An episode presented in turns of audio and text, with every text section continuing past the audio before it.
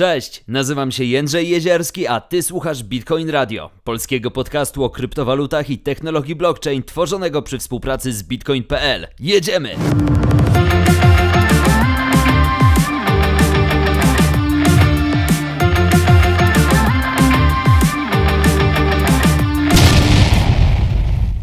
Okej, okay. pogadamy o Lunie w tym odcinku. Uh, ja muszę się Wam przyznać do tego, że przez ostatni czas, przez ostatnie kilka miesięcy, czy w ogóle przez ten cały run, byłem tak bardzo zafiksowany na temacie Bitcoina, na temacie Ethereum, na temacie Play to Earn, na temacie w ogóle NFT, że Luna gdzieś przeszła mi obok nosa. I dopiero jakiś czas temu, e, kiedy rozpoczął się ten historyczny bear market, o którym e, teraz e, wielu z nas no jakby myśli i mówi, Zacząłem szukać alternatyw w postaci poszukiwania protokołów DeFi, które pozwolą mi na moich stablecoinach zarabiać. No i oczywiście wiadomo, że byłem gdzieś na PancakeSwapie, gdzieś patrzyłem na jakieś różne inne możliwe, możliwości zarabiania, stakeowania w świecie kryptowalutowym, aż nagle trafiłem na jeden protokół, który nazywa się Anchor. Anchor Protocol na Lunie. No cóż, jeżeli nigdy nie słyszeliście o tym protokole, to już bardzo szybko wprowadzam Was w meandry tego, w jaki sposób działa i co tak naprawdę swoim inwestorom oferuje. Pierwszą, najbardziej podstawową rzeczą związaną z Anchor Protocol jest to, że umożliwia Wam staking UST, czyli stablecoina w skali, czyli stablecoina wycenianego w stosunku 1 do 1 do dolara na blockchainie Luna. E, tego UST które w skali roku miałoby Wam dać 20% zysku, zwrotu z inwestycji. Brzmi całkiem spoko, co nie? No tak, no brzmi całkiem spoko, faktycznie. Generalnie cały mechanizm Anchor Protocol w dużym uproszczeniu zakłada, że jest to platforma pożyczkowa DeFi, która pozwala yy, na zwrotach, czy też jakby na zyskach z tego, z tego procesu zarabiania generować zwroty dla inwestorów, które zostały losowo z palca ustawione na poziomie 20% rocznie. W teorii założenie jest takie, że poprzez proces tworzenia i spalania Luny UST, który jest wpisany w mechanizm tego protokołu i w mechanizm pożyczek, um, protokół będzie w stanie zarabiać z odsetek wystarczająco dużo pieniędzy, żeby yield wypłacać osobom, które stakują UST. E, przez jakiś czas działało to całkiem super i w sumie cały czas działa to całkiem super, tylko że jest pewnego rodzaju problem, a mianowicie taki, że w aktualnej sytuacji Anchor Protocol zarabia o połowę mniej pieniędzy niż wypłaca. Jest to gigantyczna luka, na poziomie kilkuset milionów dolarów, o ile dobrze pamiętam, nie mam teraz tych danych gdzieś bezpośrednio przed sobą. E, co w takiej sytuacji? Okazuje się, że Anchor Protocol posiada pewnego rodzaju rezerwę, z której wypłaca, e, wypłaca jakby te nagrody ze stakingu swoim użytkownikom. Więc wszystko powinno być spoko, co nie? Ponieważ to jest gigantyczna kwota typu kilkudziesięciu miliardów dolarów. No tak, tyle tylko, że ta kwota zaczyna bardzo, ale to bardzo szybko topnieć, w zatrważającym tempie. Jeszcze dwa miesiące, jeszcze nie no, dwa miesiące, miesiąc temu kwota ta wynosiła około 60 miliardów dolarów, teraz wynosi zaledwie 30. Oznacza to, że prawdopodobnie za jakiś niecały miesiąc, albo za miesiąc mniej więcej, ta rezerwa się skończy. Pytanie co wtedy? No właśnie, jeżeli zespół, do, który gromadzi się dookoła Anchor Protocol i Luny czegoś nie zrobi, to może dojść do tragedii. Tym bardziej, że w protokole e, jest aktualnie przytrzymywanych około 10 miliardów dolarów.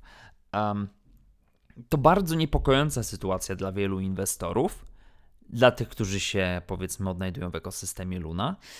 E, to również sytuacja, która jest niepokojąca dla polskich inwestorów, e, którzy w Lunie odnajdywali powiedzmy nowy święty gral, który miałby im przynieść bardzo duże ilości pieniędzy.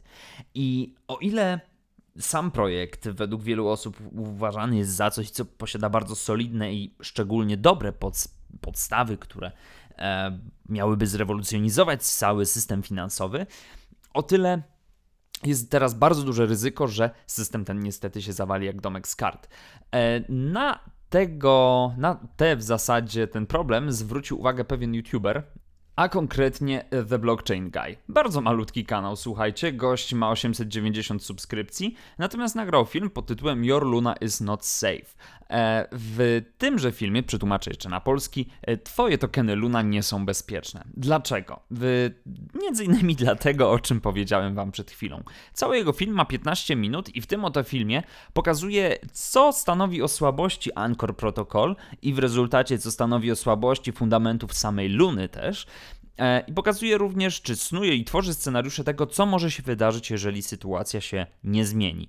A mówimy tutaj o gigantycznych likwidacjach, mówimy tutaj o gigantycznym spadku wartości e, tokenów Terra. Mówimy tu o gigantycznym zdepegowaniu, czyli utracie tego stosunku 1 do 1 przez UST, e, czyli w rezultacie możliwe, że te 10 miliardów dolarów, które są zalokowane w tym momencie w Anchor Protocol, mogą stracić na swojej wartości gigantycznie.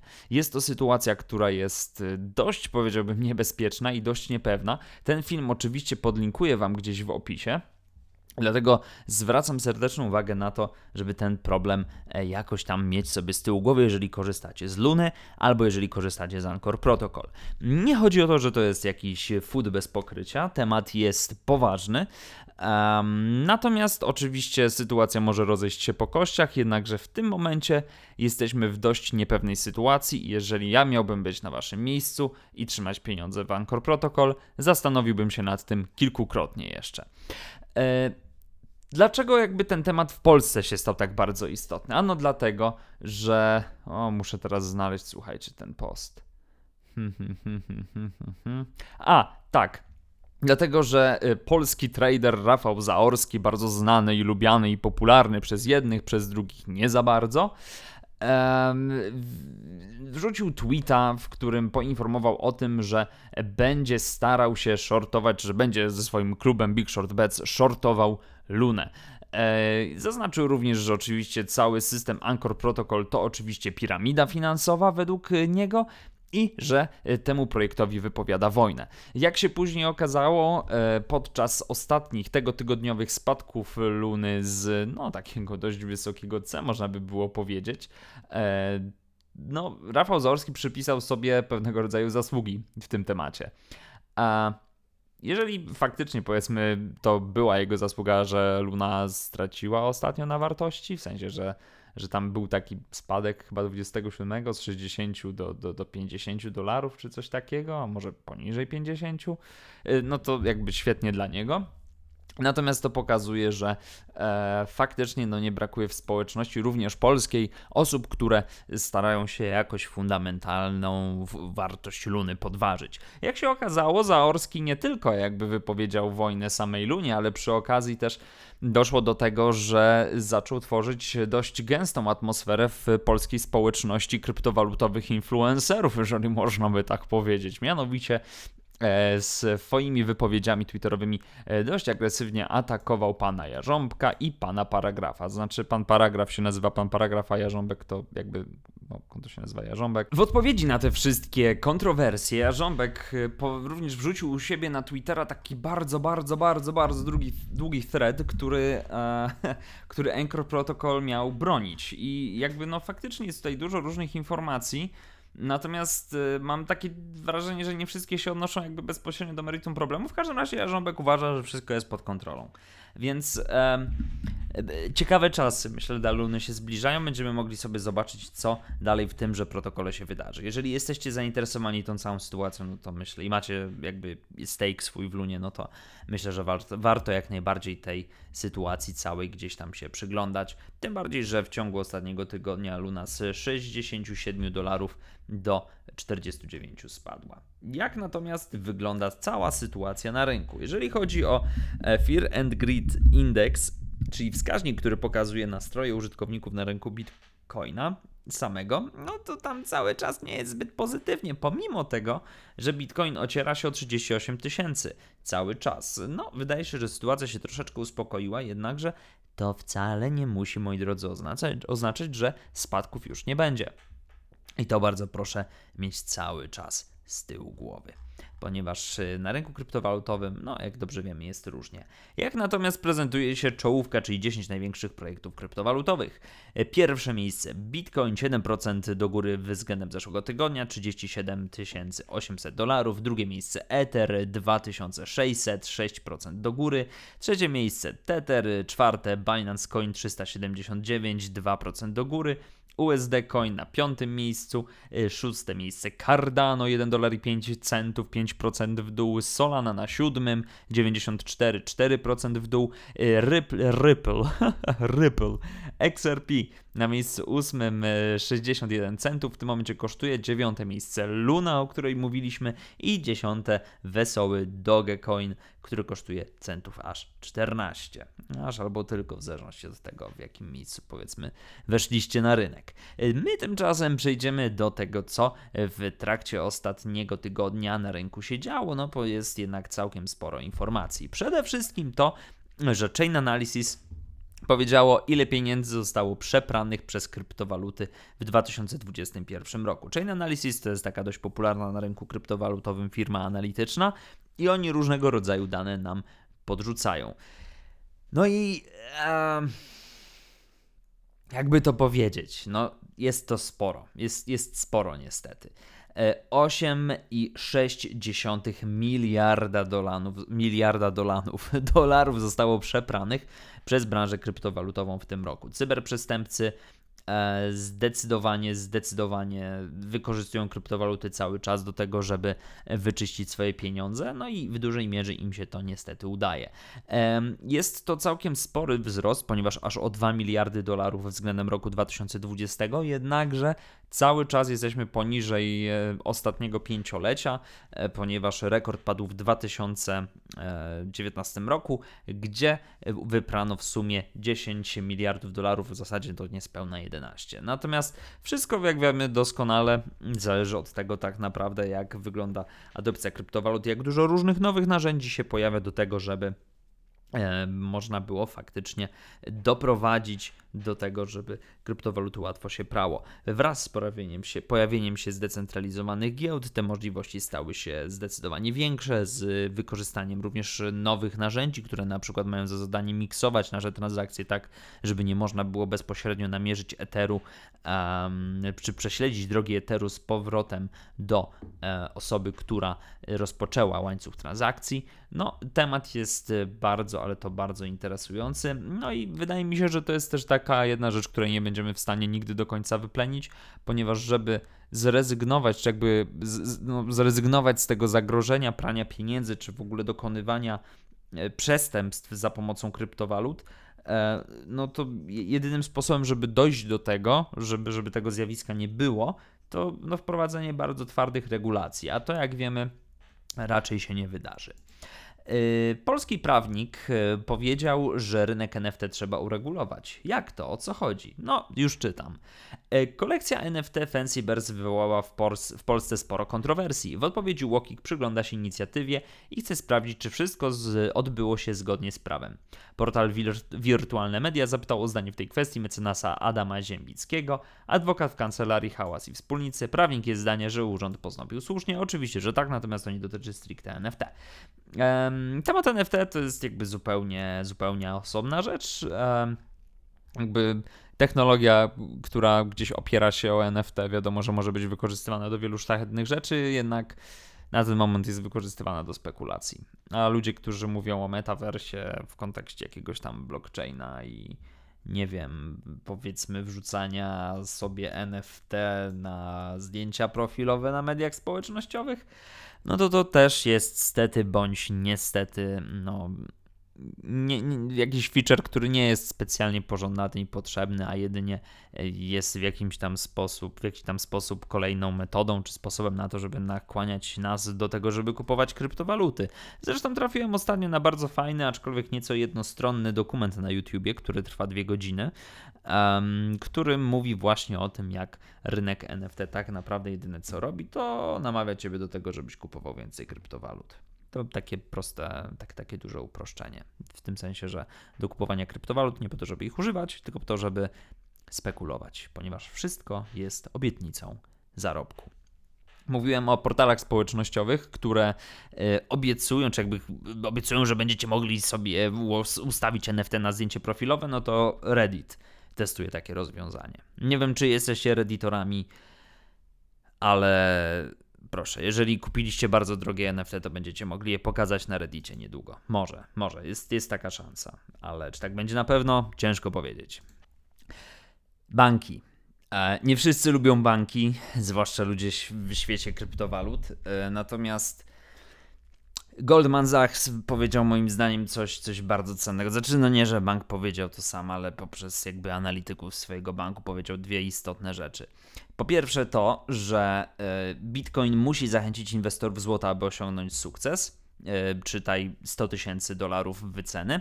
E, tutaj taki, taki, taki wątek, jeden cytat. Jeśli udział bitcoina w rynku przechowywania wartości miałby hipotetycznie wzrosnąć do 50% w ciągu najbliższych 5 lat, jego cena wzrosłaby do nieco ponad 100 tysięcy dolarów. Dla złożonego rocznie zwrotu w wysokości 17% lub 18%. E, nasze wewnętrzne modele wyceny wskazują na cenę już teraz pomiędzy 50 a 75 tysięcy dolarów. Jestem całkiem pewny, że zobaczymy ten poziom. Kwestią jest, jak zawsze, czas. No właśnie. E, bardzo duży wpływ mają mieć instytucje, e, instytucje, które by inwestowały w Bitcoin, jeżeli chodzi o budowanie jego ceny po raz kolejny. Natomiast widzimy, jak bardzo dużo musiałoby się wydarzyć, żeby Bitcoin faktycznie swoją cenę zwiększył do 100 tysięcy dolarów. Cholera jasna. I teraz druga rzecz, którą ci analitycy powiedzieli, i ta druga jest według mnie ciekawsza. Rosnąca adopcja kryptowalut może nie podnieść ich cen. Tam, tam, tam, tam. Ostatnie spadki na rynku kryptowalut podkreślają, że adopcja przez główny nurt może być mieczem obosiecznym. Choć może podnieść ceny, prawdopodobnie zwiększy również korelację z innymi zmiennymi rynku finansowego, zmniejszając korzyści z dywersyfikacji posiadanych w tej klasie aktywów. Bardzo ciekawy temat, bardzo ciekawa um, analiza i moim zdaniem całkiem trafna. Yy, wiele ludzi sobie nie zdaje z tego sprawy, że Bitcoin staje się coraz mniej dziki, w tym sensie, że rynek kryptowalut coraz bardziej na przestrzeni lat zaczyna reagować nie tylko na takie bodźce, które są wewnętrzne, w sensie, które mają wewnętrzne znaczenie dla niego, ale także na takie ogólne makroekonomiczne trendy, które wpływają na szeroko pojęte gospodarki. I ten trend będzie się umacniał.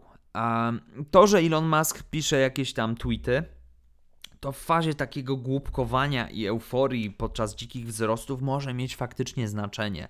Ale te reakcje będą z czasem coraz mniejsze. Nie wszyscy mogą sobie z tego zdawać jeszcze sprawę, ale tak będzie. No trzeba być na to przygotowanym.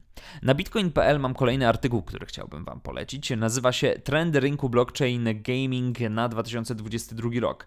Bardzo szybko Wam powiem, jakie są te trendy.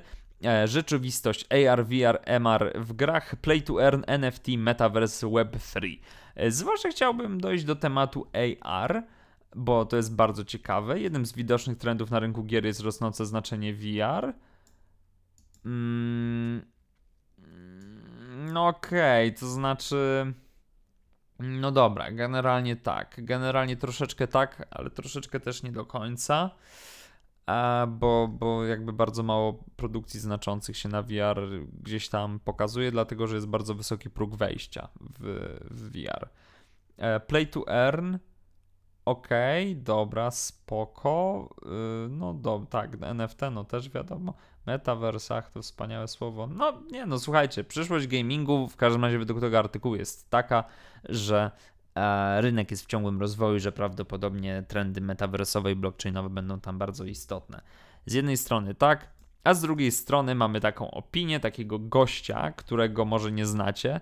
E, nazywa się Ken Kutaragi i to jest e, twórca PlayStation. Wow. Twierdzi on, że Metaverse nie ma sensu. Nie jest on również miłośnikiem zestawu VR. Stwierdził, że są one po prostu irytujące. Nie będę wchodził jakoś tam, wiecie, bardzo głęboko w jego tok rozumowania, natomiast w kontrze do tego, że wszyscy się zachwycają Metaversem, e, słynny twórca największej w historii konsoli e, powiedział, że bycie w prawdziwym świecie jest bardzo ważne, ale metaverse polega na robieniu quasi rzeczywistości w wirtualnym świecie. Ja w tym nie widzę sensu. Wolałbyś być wypolerowanym awatarem zamiast prawdziwym sobą? To w zasadzie niczym nie różni się od animowanych stron typu message board.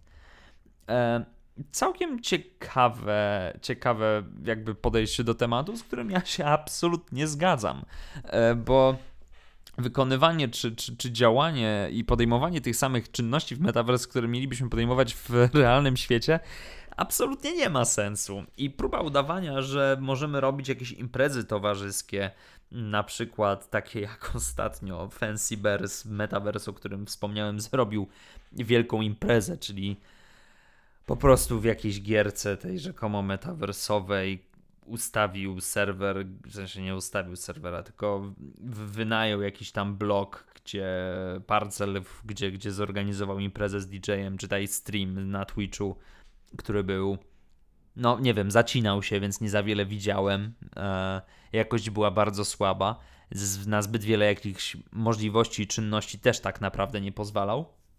No i y, zbierając te, taką wizję do kupy na razie, no to trzeba by powiedzieć, że faktycznie nie wygląda to zbyt atrakcyjnie, nie? No tak, ale ktoś może powiedzieć, że to początek trendu i że ludzie, którzy nad tym teraz pracują, to są pionierzy. Tak? No to je, super. Jestem ciekaw, y, w którym aspekcie są tylko pionierami. Bo wydaje mi się, że y, tworzenie parceli, tworzenie jakichś kreacji na jakimś konkretnym serwerze to, to, był przymiot Minecrafta zawsze, na przykład. I jakby od strony wizualnej to się niczym nie różni. Okej, okay, to ktoś powie, że teraz można w takim razie y, wykorzystywać NFT-ki, że wraz z, wraz z ich interoperability będzie można korzystać ze swoich tworów y, w każdym innym metaversie. Ja mówię, okej, okay, spoko, i co z tego? Tyle. Przepraszam. Oj, nie brnijmy dalej w ten temat, nie brnijmy dalej w ten temat. E, moi drodzy, sieć Cardano od ponad tygodnia jest przeciążona o 90%. Wow, mnóstwo, co nie? Ja wam może przeczytam o co tak naprawdę chodzi, bo ten artykuł nie jest długi. Termin obciążenia blockchaina odnosi się do tego, jak bardzo wypełniona jest przestrzeń pamięci w przeciętnym bloku Cardano. Stuprocentowe obciążenie oznacza, że bloki znajdują się na granicy swoich możliwości, podczas gdy 0% oznacza, że są one całkowicie bezczynne. Według danych z Cardano Blockchain Insights obciążenie blockchaina wzrosło z 55% do 91% w dniach 14 do 16 stycznia. Od tego czasu utrzymuje się ono na stałym poziomie powyżej 90%. Łańcuch Cardano był rekordowo przeciążony 21 stycznia aż 94%. Aby sprostać rosnącemu zapotrzebowaniu, dwa miesiące temu Cardano ogłosiło zwiększenie rozmiaru bloków o 12,5%. I chociaż sytuacja pokazuje, że Cardano ma problemy ze skalowaniem, to jednocześnie dowodzi szybko rosnącej popularności tego łańcucha. Ruch w sieci odnotował ogromny wzrost od września, kiedy to hard fork Alonso zaimplementował możliwość realizowania smart kontraktów. O, wow, tu jeszcze jest taki jeden akapit. Co dziwne, od tego czasu natywny token ADA znajduje się w trendzie spadkowym. No, to jak jakaś sieć sobie radzi, nie ma nic wspólnego z tym, jak cały rynek reaguje. Ale no dobrze, no dobrze, trudno. Y, y, jeszcze będzie taki temat związany z Facebookiem, a w zasadzie z Meta, bo, bo tak Facebook się nazywa. Meta chce sprzedać DM. Tak, nie wiem, czy, czy wiecie, czym jest DM, to ja wam przypomnę. Y, DM to jest projekt, który wcześniej nazywał się Libra. I to miała być kryptowalutowa blockchainowa rewolucja od Facebooka. I okazuje się, że chyba nie będzie, bo Facebook chce to sprzedać. No i tyle. To koniec. Słuchajcie, to najważniejsze informacje z tego tygodnia. E, trochę się rozgadałem o Lunie na początek, sorry, ale wydaje mi się, że to jest całkiem istotne.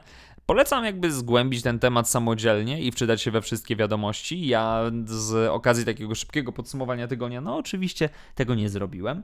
E, natomiast bardzo gorąco czekam na to, jak te wszystkie wątpliwości na rynku, które się pojawiają, zostaną zaadresowane. Tymczasem wy się trzymajcie ciepło, a ja idę kupować kolejne NFT.